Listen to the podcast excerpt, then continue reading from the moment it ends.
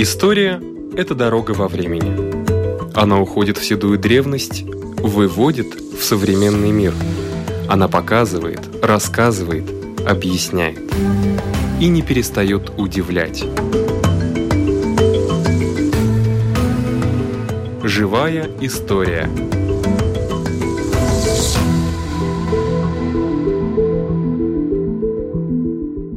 У микрофона Лидия Чера.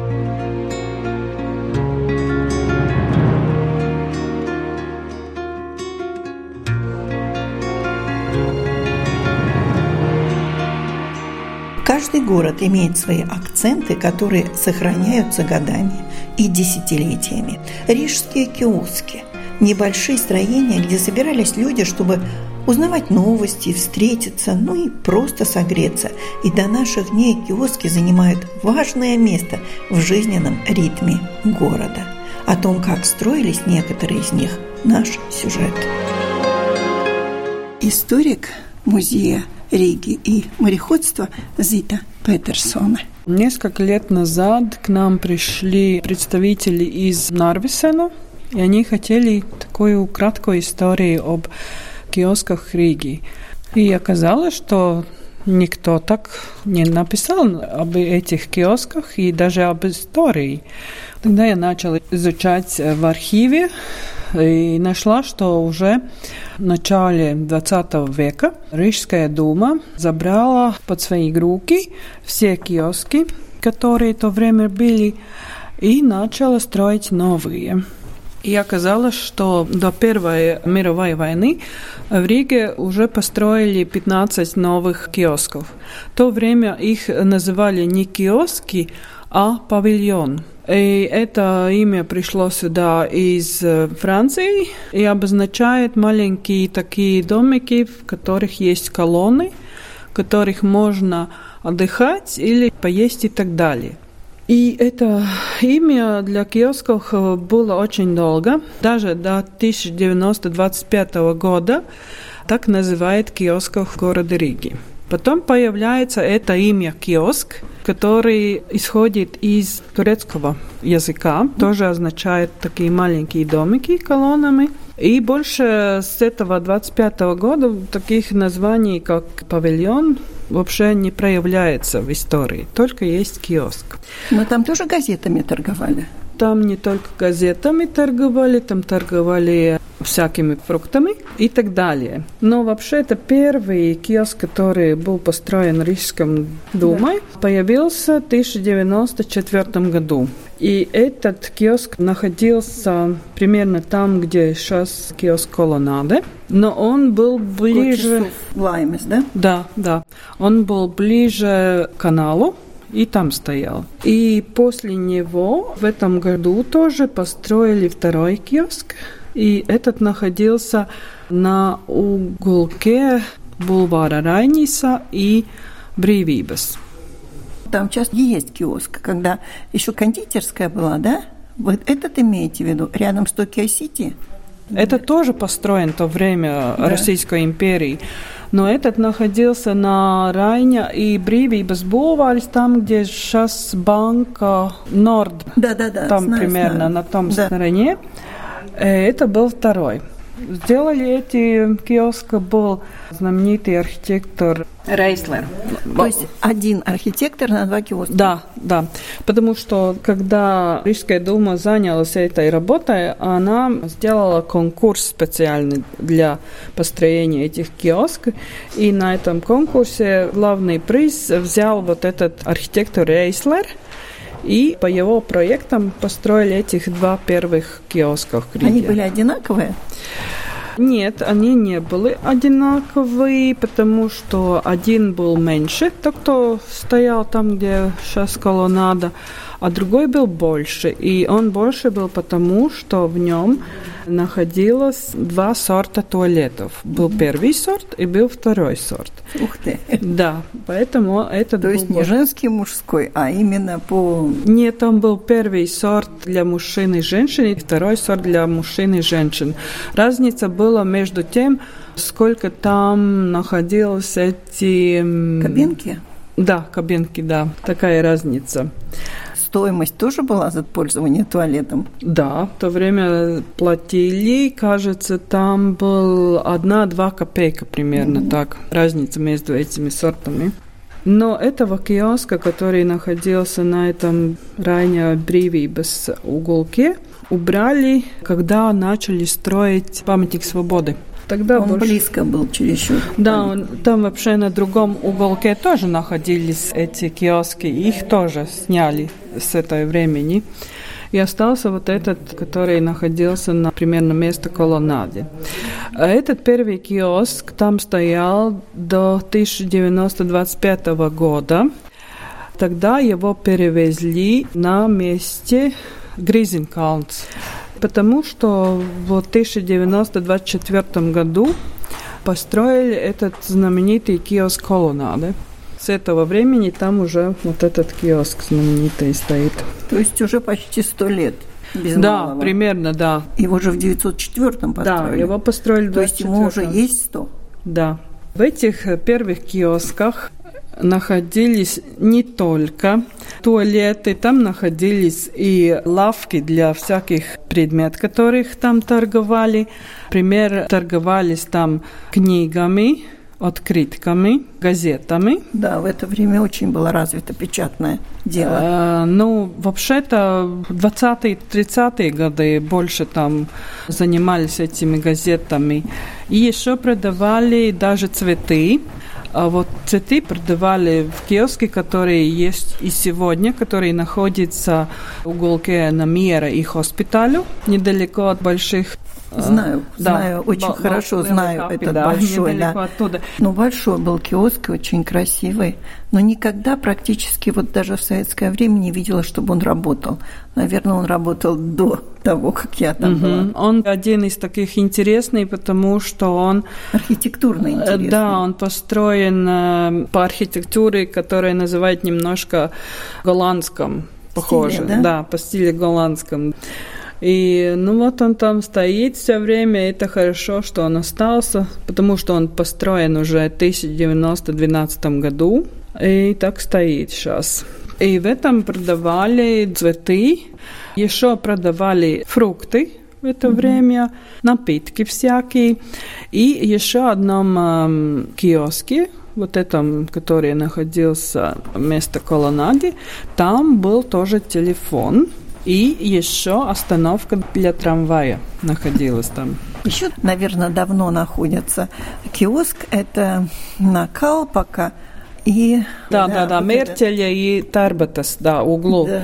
Это тоже построен в 1912 году. И это был тоже проект Рейслера. И в таких построили четырех на каждом углу. Этого парка. Парка, да. Ну, сейчас они только остались Две такие, один там на Мертеле, другой находится на углу Элизабетес и Тарбетес. Те, которые находятся над улицей Барона, да, там тоже Барона, есть две такие, да. Сторон, Это уже другие. Этих, да, попозже были, да? Да, этих попозже построили. Это уже 1922 год и архитектор Густав Берчей.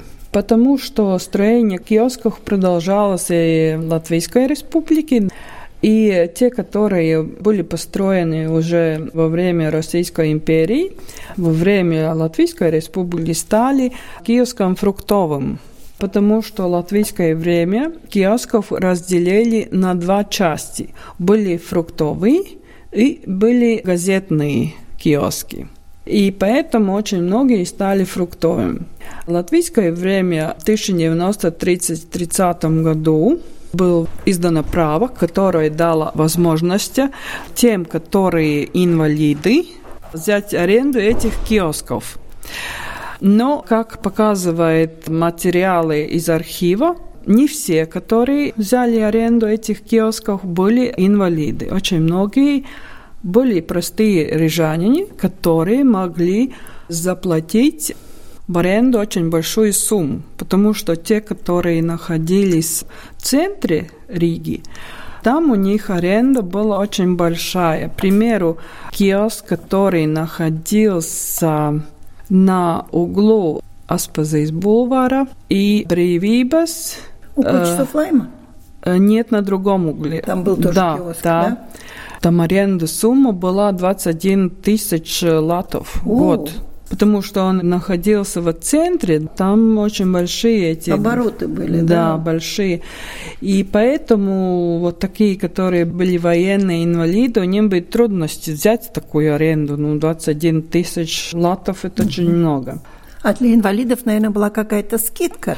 Скидка не всегда там была, потому что те, которые были инвалиды, они взяли побольше таких киосков, которые были поменьше, и у них там только были газетные и табачные продукты. Потому что там меньше оборота и меньше эта арендовая сумма была. А почему инвалиды? Все-таки, наверное, это была какая-то льгота со стороны правительства, что им такое разрешение было.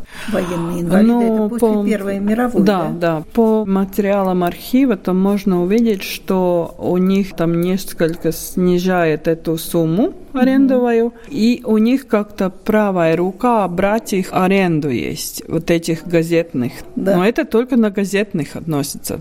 А на фруктовых там совсем другая ситуация. И бывало так, что который арендовал этот киоск, Например, вот когда была большая кризис 1930-х годов, а у многих было мало денег, они не могли заплатить эту аренду, и они писали в Рижскую думу, что у них трудности, чтобы эту аренду снизили. И они там писали, что они инвалиды и так далее. Но бывало, что Дума даже это не делала. Не всегда так было. Там смотрели по другим причинам, как там все это происходило. То есть вы рассмотрели киоски до 40 года, Да. Почему выбрали вот 40 год? Потому что потом уже наступил больший хаос в киосках, чем до 40 года. Да, потому что я смотрела и архивные материалы, и там была трудность найти в каком министерстве они там находятся. Кому принадлежат Да, кому принадлежат. Потому что во время Латвийской республики это было уделение в Рижской думе, которое называлось «Некустаму ипашуму». И она этим занимала. А что после того, куда они пошли, там еще мне не нашлось. Да, то ли в Министерство торговли, то ли в Да, то Министерство ли, да, экономики. да. то ли- Но они остались, как мы знаем, потому что их не убрали. И, наверное, там поселились всякие эти агентуры, которые продавали газеты. Потому что и даже латвийское время было так, что те, которые имели этих киосках, они писали, наверное, заявления в агентурах, которые предложили им взять всякие газеты. И эти агентуры сами привезли эти газеты, и им осталось только торговать. А историю оставим истории. А киоски, правда, красивые. Ну да, в сравнении с тем, что сегодня у нас, можно так сказать, потому что даже этот знаменитый киоск, который находится на улице Аспазиес и Кришан Барона, который построил архитектор Бирзнекс, 1930-е годы. Он был заново построен уже 90-е годы прошлого века. И он такой интересный в стиле арт-деко. Но он сейчас живет свою жизнью, так что есть, которые занимают эти хорошие места.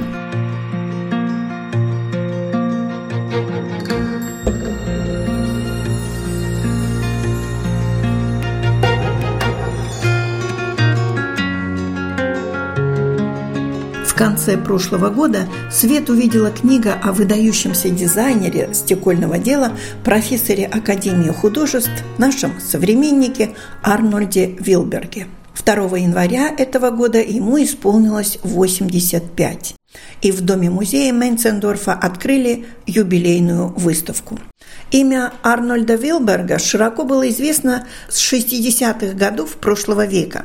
К сожалению, многие объекты интерьера сейчас можно увидеть только на фотографиях. Но по рассказам современников технические решения и новаторские идеи профессора составили золотой фонд дизайнерской мысли нашей страны. На выставке представлены работы последних лет.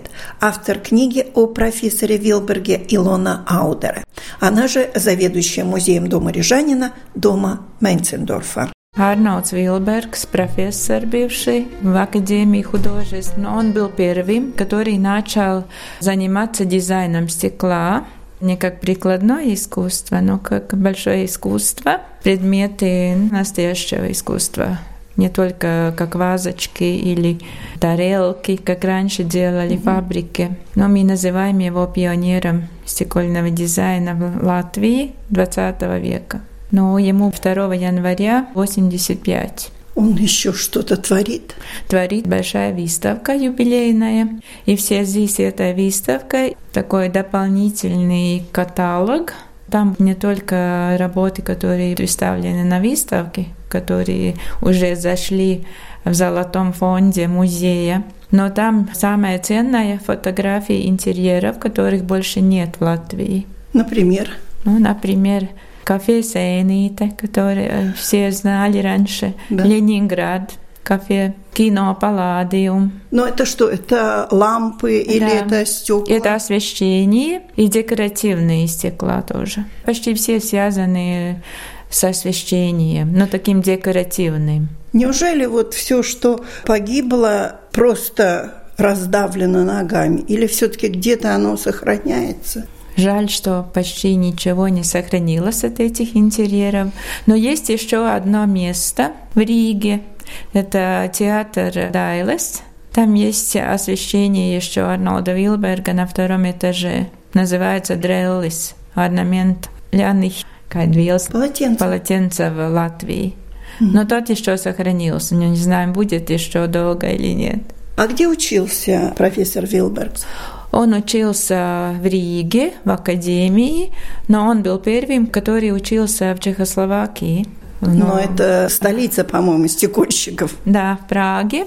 И оттуда и возникла первая идея, что надо отделение дизайна стекла организовать и в Риге, в академии. Он считается основателем этого дела в Академии. У него есть ученики? Есть наши сегодняшние все витражисты, все дизайнеры стекла. Например, Анда Мункевица, в которой мастерской делали последний витраж знаменитый для Домского собора. Это стекла, которые ну, да, новые, сейчас да? все здесь юбилеем Латвии, которые сделали. Она ученица Вилберга, и все наши преподаватели, и даже художница, которая работает в нашей мастерской в доме Менцендорфа, Илза Дудиня, тоже его ученица. Вам не кажется, что старинные витражи, они более блеклые, или это от времени, или тогда выбирали более такие тона приглушенные, а вот эти витражи современные, они более яркие? Потому что есть новые технологические методы, краски. Раньше другие, такие да. другие были. И все делали руками раньше. Теперь не только ручное дело это.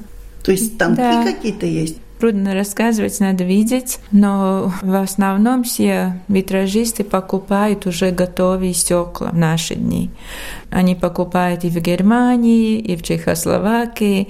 Уже э, крашеные? Или? Уже готовые стекла, они только потом режут. форму придают, режут. Но раньше, давным-давно, все делали сами из стекла все стекла. Начиная с, да, все. с песка, да? Да, и там они искали, откуда привезти самый лучший песок. Они отличались, потому что география и песок отличался. А теперь люди посмотрят в интернете, те самые выгодные и красивые, оттуда и покупают. Но они почти одинаковые все. В Латвии тоже делали, когда был комбинат Максла, они тоже делали на месте здесь, но уже тогда брянских очень много купили. Завозили уже в Латвию. А сейчас из Германии, из Чехии, да? Да, и даже из Америки. Я знаю, что некоторые покупают. Но в основном из Германии. И Арнольд Вилбергс, и витражист, и дизайнер. И он не только стеклом занимался, у него есть подставка для монетов. В каждой да. банке была в Латвии, в магазине каждом. Там есть и биография немножко, Ваши семейные книги, фотографии. Да. И почти все вещи, которые подарены музеям. нашему музею и музею прикладного искусства. Ваш музей в запасниках или в постоянной экспозиции есть Постоянно работы? есть. На окнах? Не витражи, у нас есть в основном такие дизайнерские работы. А, еще сохранился у Сакты, есть такое освещение, там был раньше магазин для цветов. Да, да, был. Да, и там еще сохранилось освещение, которое автор Арнольдс Вилбергс. Вот Дайлес посма- театр. Смотрим книжку и сразу видим Да. все эти. Ой, какой красивый. Вот это Друва, это в Саудовском районе, тоже еще сохранилось помещение для новобрачных, но она там стоит, но не пользуется никто. Это. В филармонии еще есть витраж Вилберга Да. в гардеробе. Еще была такая столовая знаменитая Вита. Там тоже была В Риге, да? Да, это угол э, Элизабетес и там, где была гостиница Латвия, недалеко оттуда. Он очень много подарил музеям всяких вещей. У нас большая коллекция, и в музее прикладного искусства тоже очень большая коллекция. Вот металлический Да, для монет. для монет, он очень долго был во всех магазинах в советское Куда время. клали денежки. Да. но он как-то пропал. здесь Да, он очень такой Двойной. Ну, он практичный. практичный был. Да, Это- дизайн отличный. И еще есть некоторые вещи не только из стекла, как дизайнер работает. У нас юбилейные годы, и очень интересно поговорить о людях, не только которые м, такой политическую историю Латвии, такие знаменитые люди там организовали, им помогли, но и художники, и учителя, и другие люди. Спасибо. С вашей помощью и мы будем знакомиться. У нашего микрофона была заведующая музеем дома Рижанина, домом Менцендорфа Илона Аудере.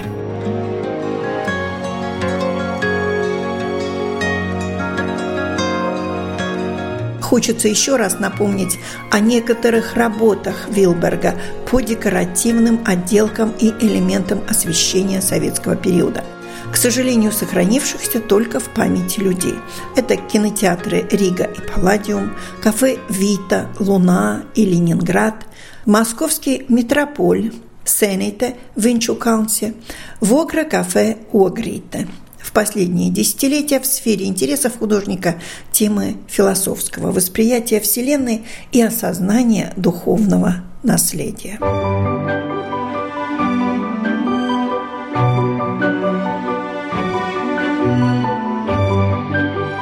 Лет Национальной библиотеки». Программа «Живая история» предлагает цикл сюжетов о раритетах, которые там находятся. Итак, заглянем в хранилище редких книг.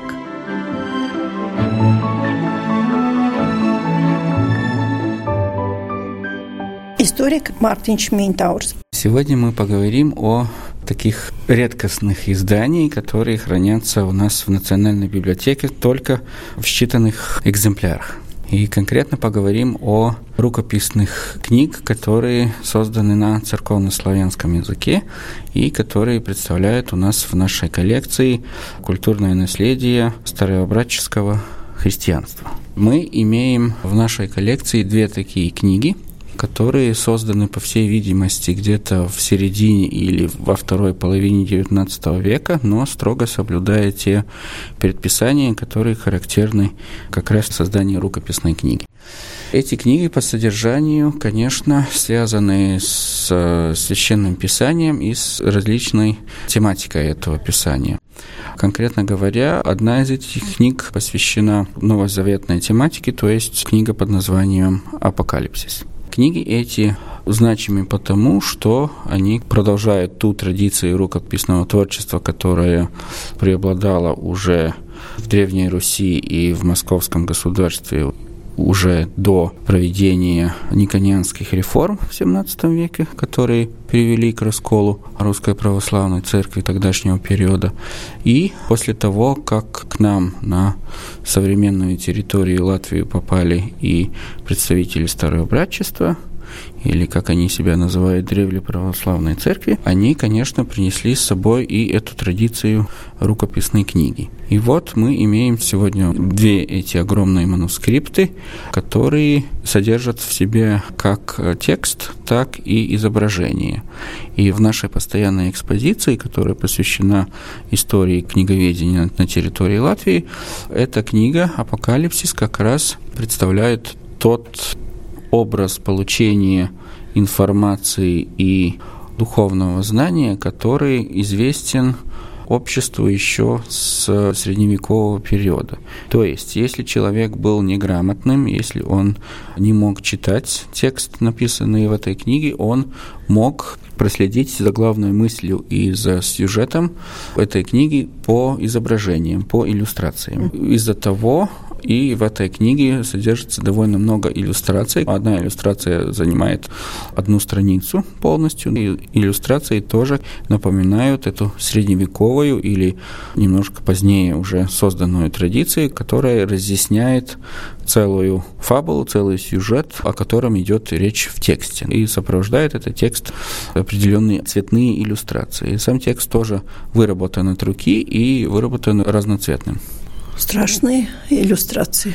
Нет, как раз Апокалипсис название такое страшное и, конечно, ну, как говорили. ну да, конец света. Да. Но тут надо помнить о том, что в христианстве, как и в западном, так и в восточном, тематика конца света – это не такое уж страшное событие, как это представляется, конечно, сегодня каждому человеку но мы сейчас уже не исповедуем тот образ жизни и ту картину мира, которая была характерна для людей, проживавших 500 или 600 лет тому назад.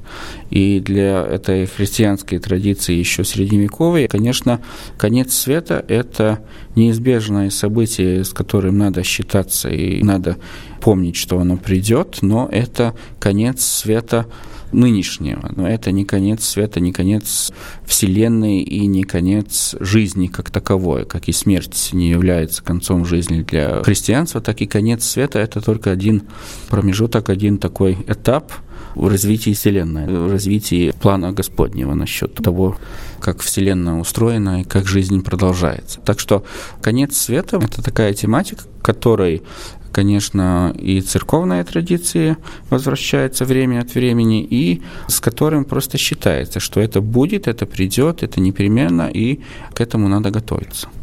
Известно, как эта книга попала в библиотеку? Эти книги, очевидно, попали еще до Второй мировой войны, потому что там имеются печати тогдашней Латвийской государственной библиотеки.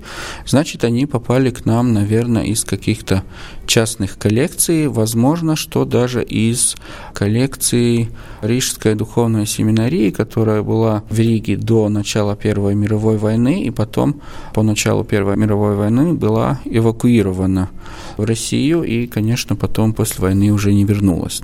В этом здании бывшей Рижской духовной семинарии в 2020 году устроили анатомический театр Латвийского университета, тогдашнего медицинского факультета. И поныне там сегодня находится анатомикум и даже музей анатомикума. Так что возможно, что эти книги попали в тогдашнюю государственную библиотеку как раз из того собрания, которое имелось здесь до начала Первой мировой войны. Потому что остальные коллекции, собрания церковно-славянской письменности, они, конечно, в основном как раз принадлежат Гребенщиковскому приходу или другим организациям Старообрядческой церкви. А прочитать можно, понять можно, что написано? Понять, в принципе, можно, да, но, конечно, нужны какие-то знания церковно-славянской письменности, но сориентироваться человеку, который читает на кириллице, это возможно. Толстая книга? Книга очень толстая. Обе эти книги в порядку где-то 400 страниц. То есть это огромный такой фолиант. И огромный труд при написании. И огромный труд при написании, да, но это как раз та особенность вот этой восточно-христианской традиции, что она сохранилась еще до 19 и даже до начала 20 века, потому что на Западе, конечно, как мы уже говорили в предыдущих встречах, что эта традиция переписывать текст от руки книги, кончилось после изобретения книгопечатания. Да. Да, это пошло на нет постепенно. И никто даже и не пытался эту традицию рестартовать, как бы сегодня говорили, чтобы восстановить эту традицию рукописной книги, потому что это ушло со временем и все. А здесь вот как раз в этой восточной традиции она сохранилась, и сохранилась довольно долго. Это само по себе, это ну, такой уникальный факт, как и, впрочем говоря, и иконопись как такова. Это же тоже традиция, которая сохранилась из древних времен. Ну, надо немножко знать староверов. Они любят то, что заложено было, то, что старые заветы, старые да. книги, они должны быть именно такими, какими были. Почему раскол произошел? Ну, да. Чтобы... по, по толкованию да, текста и по образу, да. Поэтому я немножко понимаю, почему mm. они рукописную книгу предпочли печатному изданию. Ну да, как раз это уникальная вещь, уникальная традиция, что она действительно сохранилась так долго. Спасибо. У микрофона был историк Мартинч Мейнтаурс. На этом наша программа заканчивается. Всего вам доброго.